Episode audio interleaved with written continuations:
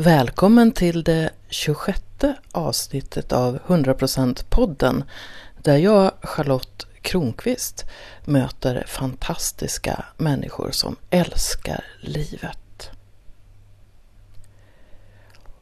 Och den här veckan så får du möta en person som bland annat säger När vi ber så ändrar sig världen. När vi ber så ändrar sig världen. Bara det är det ju värt att meditera över. En väldigt speciell dag i oktober mötte jag Gösta Tingström som är präst och pilgrimsvandrare och en man med ett öppet hjärta. Det var speciellt för det skulle snart visa sig att han hade fattat ett stort beslut några timmar innan vi träffades. Han hade ägnat sig åt att överlåta sig själv till något större.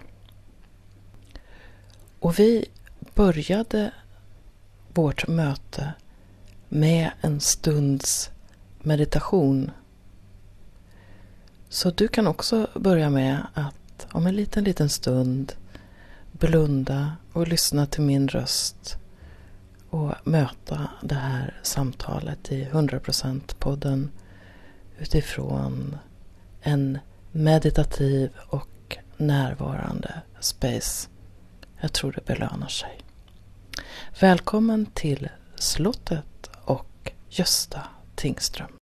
Så du kan blunda. Och bara ta, följa andningen, bara känna om den är djup eller någonting annat. Och bara känna att du landar här i det här rummet tillsammans med mig just nu.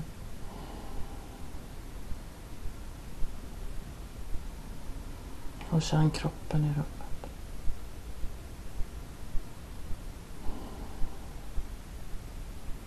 Så kan du ta några djupare andetag så att du riktigt kommer i kontakt med det som är du.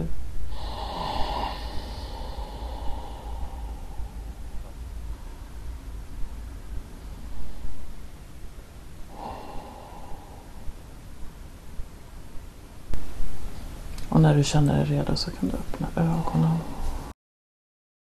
Jag sitter här på slottet, som jag säger, tillsammans med Gösta Tingström. Välkommen! Tackar, tackar. Jag är hedrad att få komma till ett sånt här kungligt hus. Du Gösta, vad, vad är det som får dig att gå upp på morgonen? Det finns ett driv i mig som jag inte riktigt vet var det kommer ifrån, men som bara är ett driv. Ibland har jag så mycket driv så jag undrar om det är bokstavsdrivet. um, jag har ju gett upp och, och tro att jag har koll på läget, för det har jag inte. eh, och det är till och med så att jag, jag tror att om jag klurar ut saker, så här är det och så här ska det vara och dit ska jag gå för mycket, så då är jag ju begränsad i mina egna tankar och, och så. Så att jag tror ju att jag är driven av Gud. Och eh, jag försöker bara bli duktigare och duktigare på att lyssna in. så att det är det som så driver mig. Jag är driven, jag är buren, jag är hållen, jag är omsluten. Och då gäller det bara att öppna upp allt jag orkar för det. Så vad händer när du vaknar?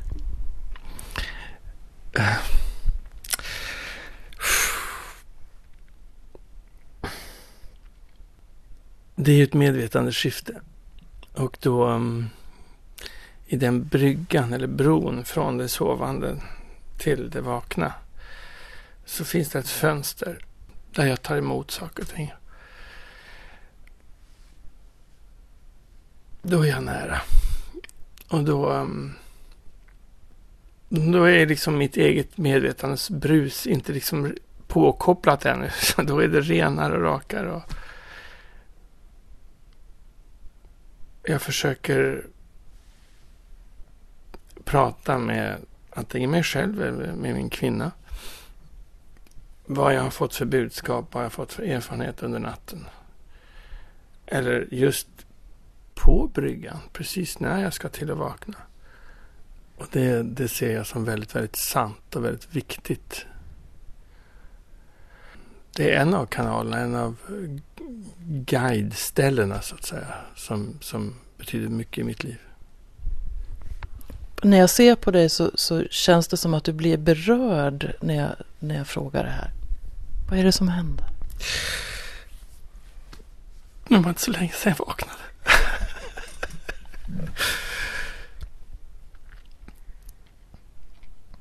Jag sa upp mig igår.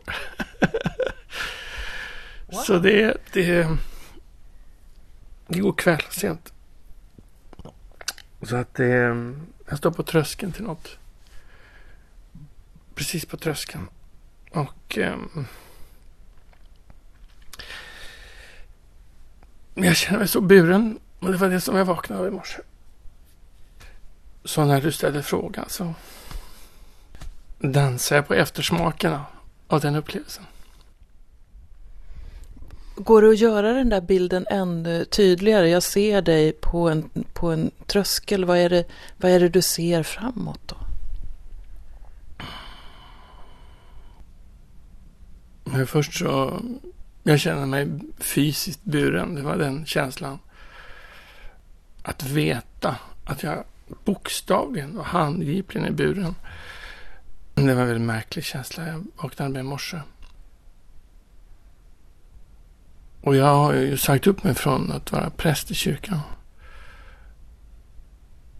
Och så såg jag när jag skulle klä på mig idag att nej men jag ska ha prästskjortan på mig idag. jag kommer till dig. Jag känner mig väldigt, väldigt mycket präst. Och sen så är det väl så kanske att jag ska vara präst fast inte just i kyrkan. Det är möjligt.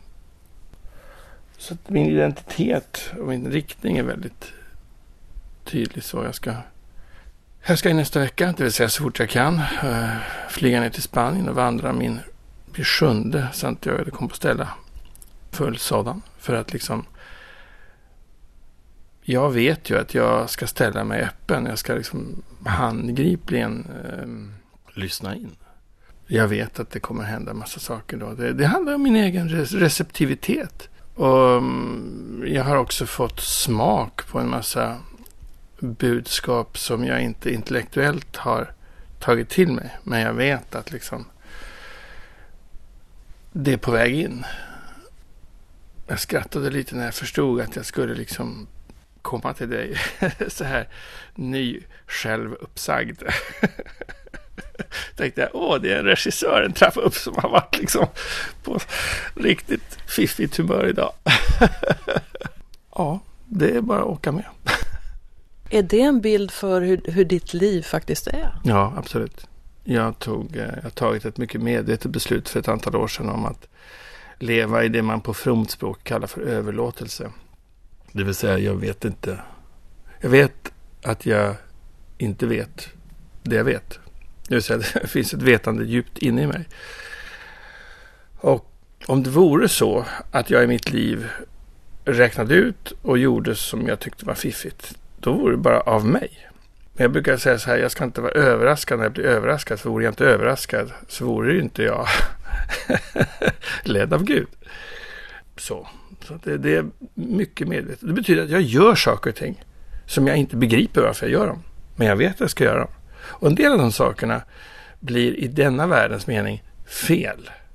När jag nu skulle säga upp mig så sa min mamma så här, jaha, då är vi tillbaka på ruta ett. liksom,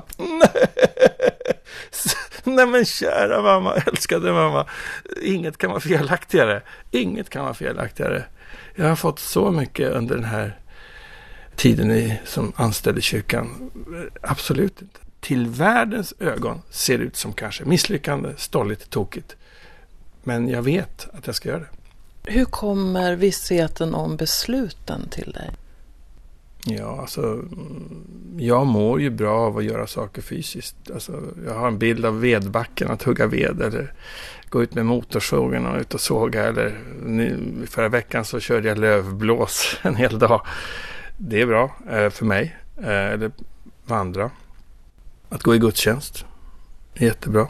Inom kyrkan har vi ju enormt mycket riter och symboler som, som är teckentydare för mig. Eh, att, att jobba genom jobbet så det kan till synes vara så att jag jobbar för andra.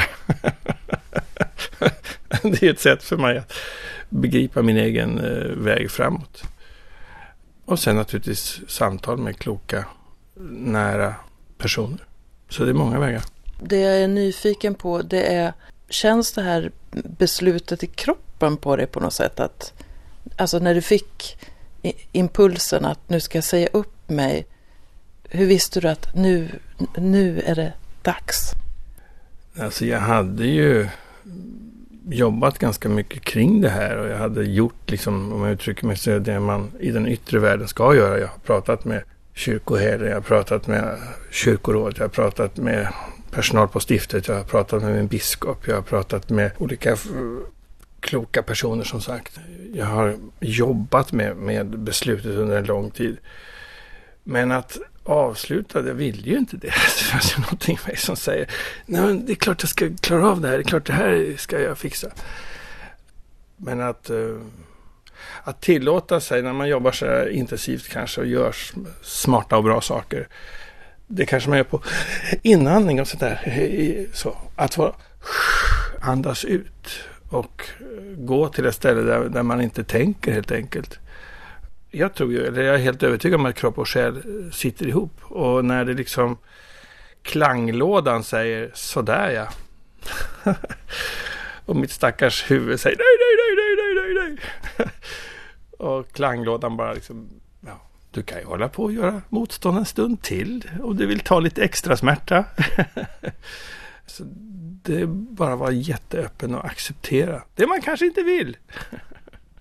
en metod du använder, om jag får använda ordet metod, är ju att du vandrar och du har gått, du har pilgrimsvandrat och nu är det sjunde gången du ska göra det. Vad är det som händer med dig då? Jag vill bara först säga att jag har ju vandrat massor av gånger, men sju gånger kommer det bli nu till Santiago de Compostela. Jag har vandrat, eh, jag har levt som pilgrim på heltid i 27 månader. Alltså bara levt med en ryggsäck och inte haft, eh, bara totalt så. Vad som händer i mig, det är att man kan säga, åh du går nu 80 mil, till, vad långt och hur långt går du per dag, det måste vara jobbigt och sådär. Ja, det yttre har sitt, men hela tiden är att gå in till sig själv och gå in till det som är allra innerst, det vill säga det gudomliga i sig själv. En pilgrimsresa har en tydlig idé om att jag ska få tillgång till någonting som jag behöver för att läka mig, för att stärka mig och för att kanske i bästa fall peka ut en riktning framåt. Så ja, du vet att det är ungefär som du vet, på, på, man åker skidor på vintern och sätter sig i en lift. Man står i kön och så plötsligt så är det min tur så kommer den här liftbygeln och så st, åker upp. Och jag kan bara stå där, det vill säga vägen vandrar mig. Jag överlämnar mig till ankarliften och, och står stilla och bara håller och åker. Så är det för mig på en pilgrimsvandring. Och sen så när, när, när vi kommer upp till toppen så kliver jag av och så bara Wow! Nu har jag en hel underbar pist framför mig. Vad läckert! Och när du är på väg upp så vet du inte vilket landskap du ska se riktigt? Nej, det vet man inte. Man vet ingenting. Och det är ju en del av den totala överlåtelsen. Att lämna sig så fullständigt så som det bara går. Och i, i min kontext så, säga, så, finns det ju en bild av det här med att, att tillåta sig att dö. Och eh, det har jag bland annat upplevt under mina vandringar. Att bokstavligen dö. Och eftersom min tradition säger att efter tre dagar uppstår man. Så ehm, alltså först ska man ju dö för att man dör. Och då dör man villkorslöst. Och då har jag inte tänkt det, bara, man bara dör. Släpper precis allt. Och sen på tredje dagen så fiskas man upp. Så där, va, vad hände här? Va? Så det är ju en, en, en fullständig katarsis eller reningsprocess. Man stiger upp som ett uh, nyfött barn i, från en kaos eller ett intet som, som döden var. Det har jag upplevt och det vet jag att det funkar så. Hur bokstavligt menar du? Jag menar så bokstavligt att jag... Ehm, jag ser ju tecken och under eh, i naturen, i mötena. Ditt och mitt möte här nu, det är för mig ett, en, en gåva. När jag vandrade så, så var jag på... Det finns en väg som är ännu tuffare som går från söder till norr. Och om man går den mitt i sommaren när det är som värst, då är det 40 grader plus alla dagar. Och då orkar inte folk gå. Och det skulle jag naturligtvis gå. Självklart. Självklart. Och då var jag på en av de här tuffaste, när det var som hetast och sådär. Och eh, då lyssnade jag på en, på, på en podd som handlade om döden. Plötsligt tar, tar den slut, jag kan inte lyssna mer. Och jag förstår att nu ska jag ta tag i det här och gå vidare i döden. Och så plötsligt så ser jag tre stycken örnar. Tre örnar, hallå, tre örnar. I, i vår tradition tre, oj, pff, örnar, kraft, Guds ord, hej och hå. Och så går jag vidare och så går jag in i det här. Så tänker jag, oj, min gamla mamma är snart 80, hur ska det gå med henne? Och jag går in och mediterar kring det här. Och så kommer jag på ett eh, nedlagt flygfält. Och luften står och dallrar, det är som en sån här värsta filmscen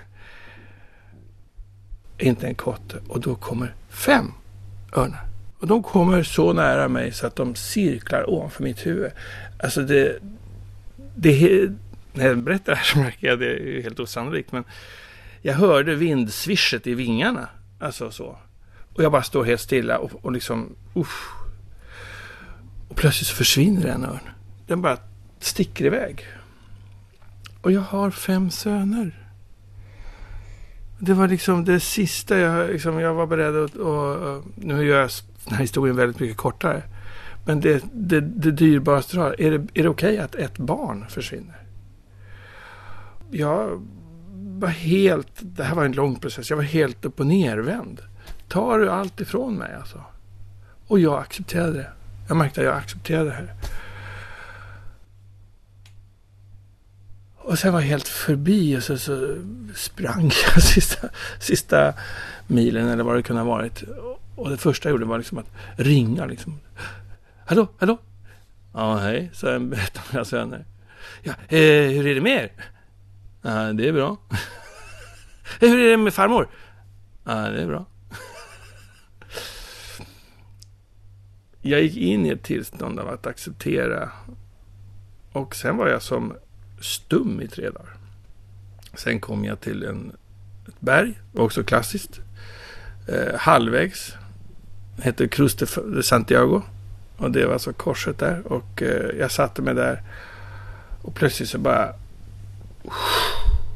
Du har varit villig att släppa allt, allt, allt, allt, allt, allt, allt. Och då pratar jag även alltså mitt eget radera mitt eget CV. Jag var absolut ingen. Radera, ta bort en arm. Sådana saker. Ta bort vad som helst. Tack för att du var villig att göra det. Nu har du fått vara med om det. Men du behöver inte. Det är okej. Okay. Jag bara... och sen, sen var det nedförsbacke därifrån. Sen var det nedförsbacke. Och det är, gör ju att jag är beredd att... Jag vet. Alltså jag har provat det var ju alltså en, en, eh, en del kallar för walking meditation. Men alltså,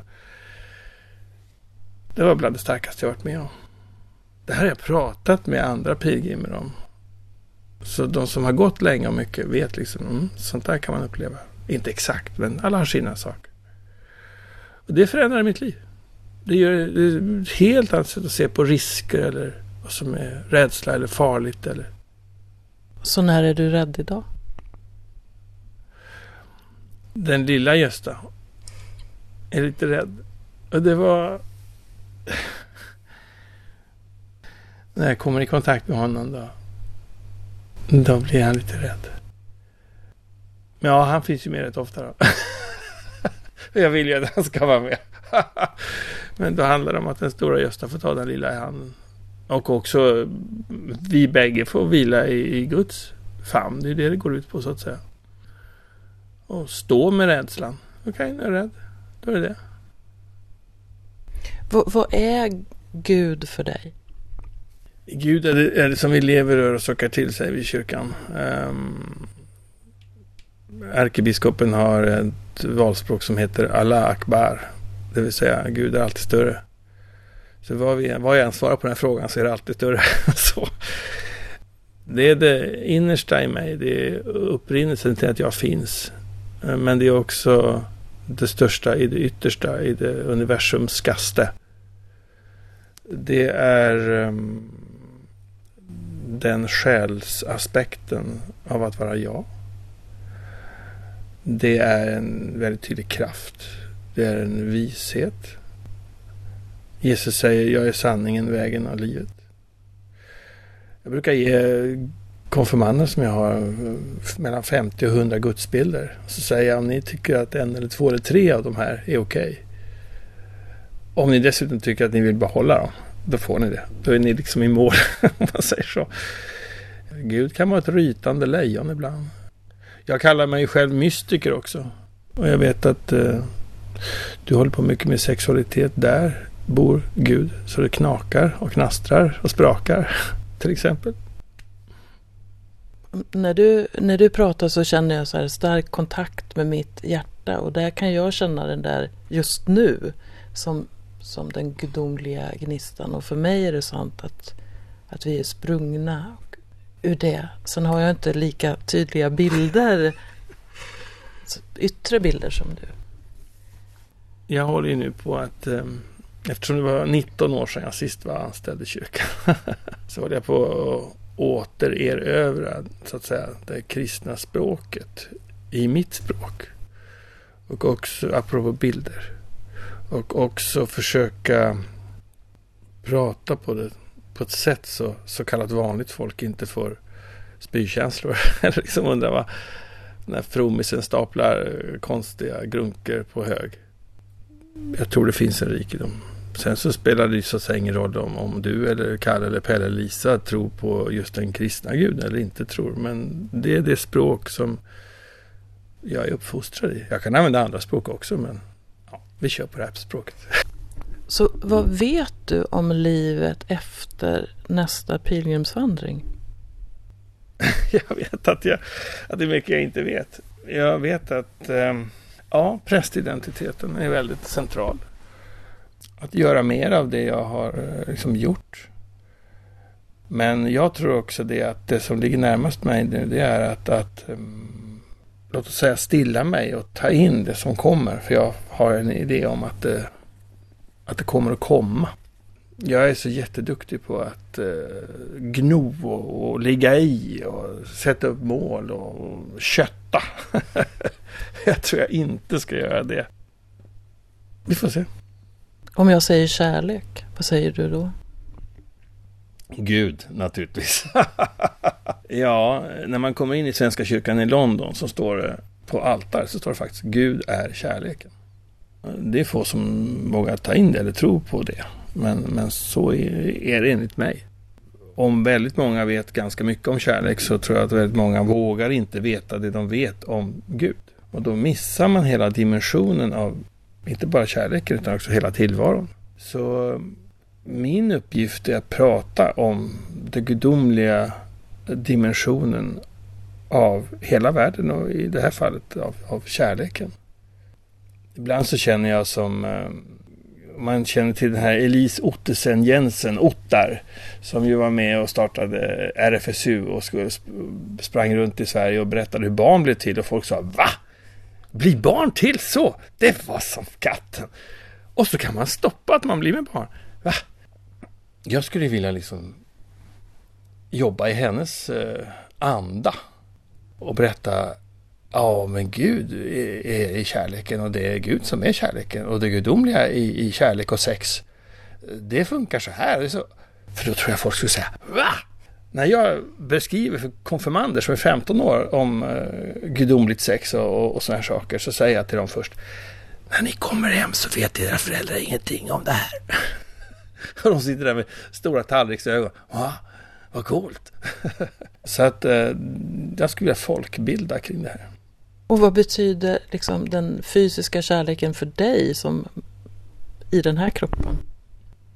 Ja, det är jätteviktigt. Det är jätte, jätteviktigt. Jag har förmånen att få leva med en helt underbar kvinna som är världsmästarinna på att eh, leva i sin kropp och njuta av sin kropp. Och eh, vara och bubbla i sin kropp. Och det gör ju att jag får chansen att ta del av den här kroppen. Det är ju helt sanslöst. Jag skriver en bok nu och, och, och, det lustiga var att jag skrev om den kvinnliga huvudpersonen och så gick jag till min skrivcoach och så sa hon så här. du skriver, hon är alldeles för förälskad i henne, hon måste kunna utveckla sig. Du får inte skriva så här i första kapitlet. okej då, okej då, okej då. Och så dröjde det två år. Sen kommer den här personen, alltså livslevande och stiger ut i verkligheten. Så jag fick henne alltså. På riktigt alltså. Och du visste att det var hon? Ja, ja, ja. Jag har ju beskrivit henne. Längd, hårfärg, kroppsform, antal barn, ålder. Rubb som stubb. Hur skulle du vilja karaktärisera en så, ett sånt händelseförlopp?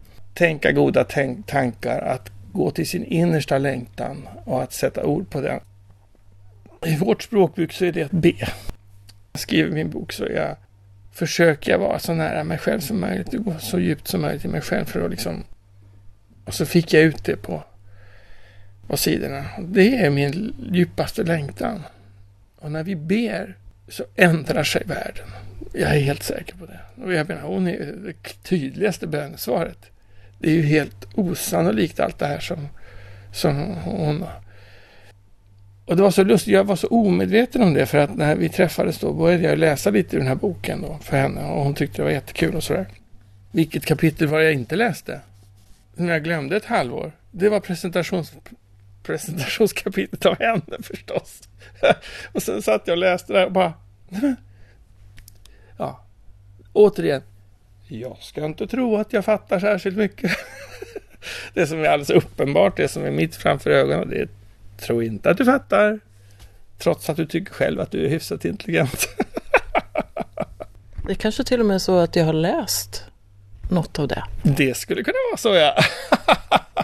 Jaha. För vi träffades ju första gången för några år sedan på en skrivarkurs på Rhodos och då kallade du dig för digital nomad och det var första gången jag hörde det uttrycket. Är du fortfarande det? Digital nomad handlar om att kunna jobba och försörja sig oavsett var på jordklotet man är. Jag har ännu inte kommit loss med att försörja mig så, det vill säga att ha klienter till exempel och jobba på Skype och sådär. Jag vill ju göra det mera. Jag har hållit på att skriva på den här boken i väldigt många år. och jag är, ju, jag är ju rädd för att komma ut ur garderoben så att säga med det här. Därför har det tagit sån tid. Eh, men nu ska jag börja om igen så att säga och skriva det här. Jag, jag vet att jag inte har eh, en, en, fast punkt där jag ska leva och bo eh, evigt. Liksom, utan jag vet att jag också kommer att röra mig runt geografiskt. I den meningen är jag väl nomad.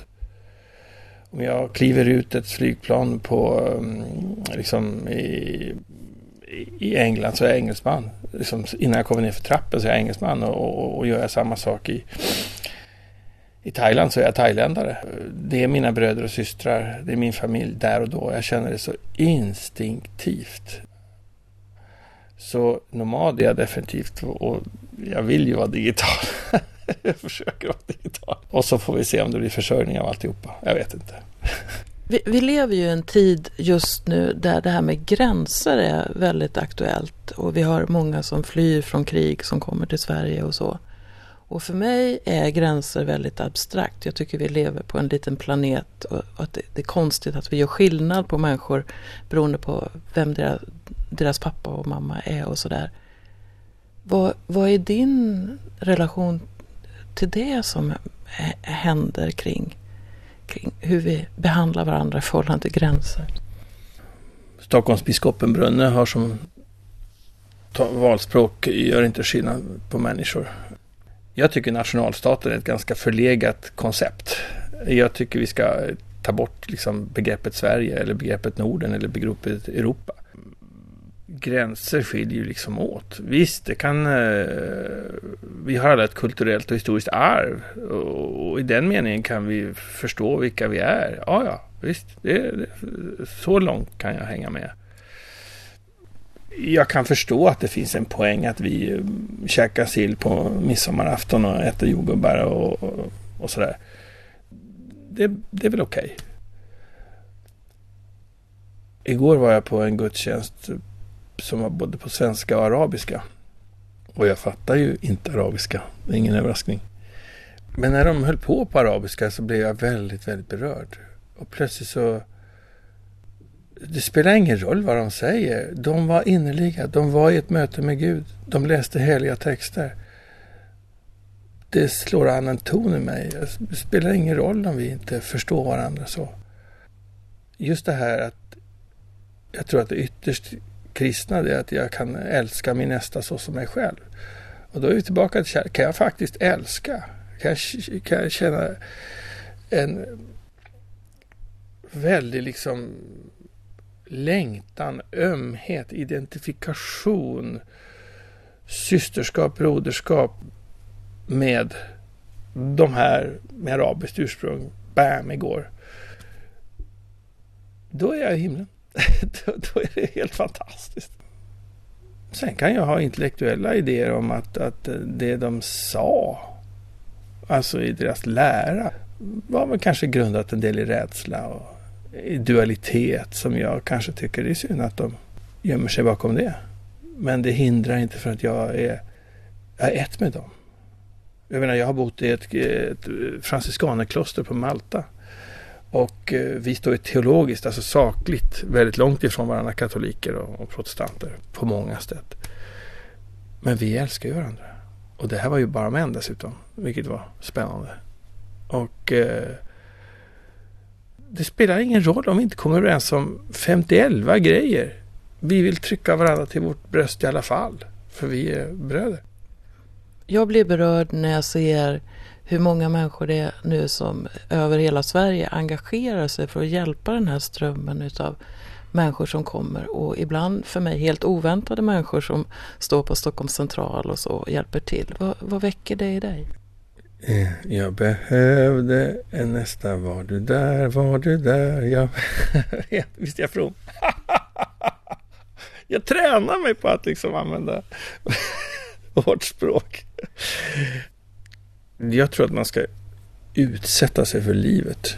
Och eh, för de här personerna så står livet på ända just nu. Det är defining moments för dem.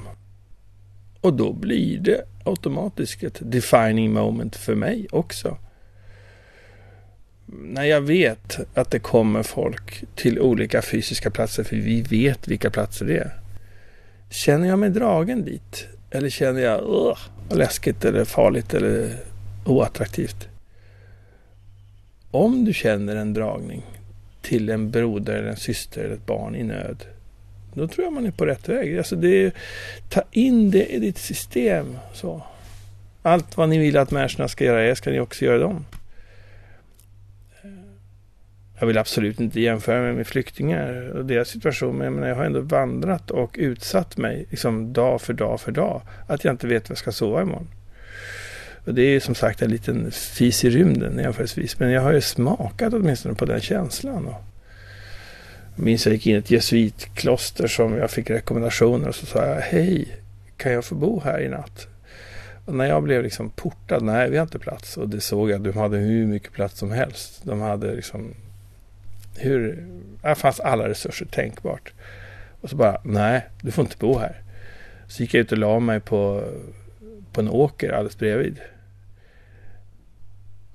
Och då minns jag jag postade på Facebook så här.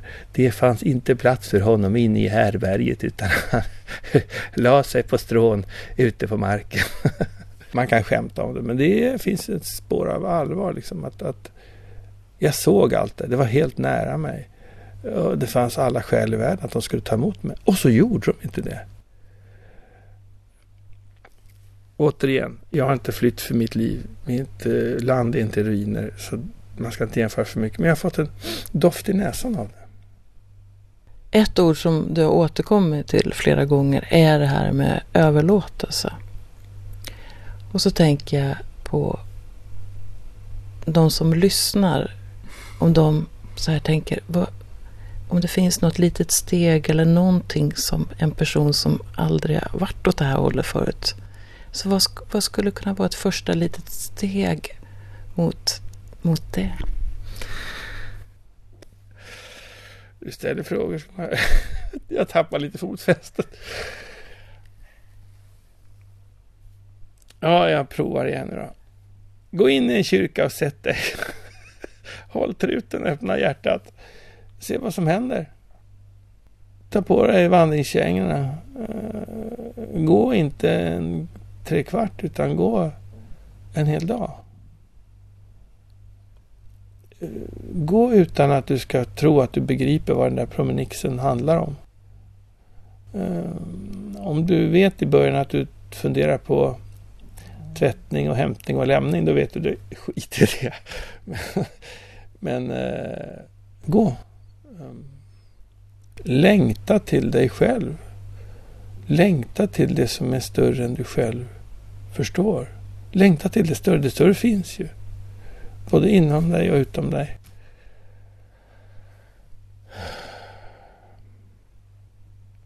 Vilka personer vet du i din rimliga närhet har anat det här något lite mer än du? Gå till dem. Jag älskar kyrktanter. jag älskar farmor och mormor. De vet. Fast de inte vet att de vet heller, men de vet. Gå till en gammal människa och sitt och lyssna. Bara var med honom eller henne. Det finns så mycket klokskap. Jag känner mig privilegierad som får sitta här i ditt sällskap och också möta en sårbar Gösta Tingström som står på tröskeln till något nytt och okänt. Tack så mycket för att du ville vara med i 100%-podden. Tack själv. Tack själv. Vilken pers. en pers. Ja, det var de sista orden Gösta Tingström sa i det här samtalet som vi hade i oktober. Och kanske är det så att det kan kännas som en pers att visa sig naken. Visa hur det känns att överlåta livet till någonting större och att inte veta vad nästa steg kommer att tas. Också tillåta den där känslan av att inget veta och att till och med dö. Sen vi genomförde det här samtalet så har frågan om människor som flyr till Sverige hamnat högt på den politiska agendan. Och även något som vi alla är medvetna om. Så frågan är, hur ser du på gränser? Hur ser du på andra människor? Vad klappar ditt hjärta för? Och Gösta själv fortsätter sin resa framåt. Han har gjort sin sjunde pilgrimsvandring till Santiago de Compostela och nu möter han livet igen sådär utforskande. Och jag är säker på att jag kommer att möta Gösta Tingström igen. Jag är glad att du lyssnar på 100%-podden. Det är ett av mina sätt att bidra till mer kärlek i världen. Och jag gör ju allting i det här själv. Och därför så känns det som att det nu är dags för mig att ta lite jullov.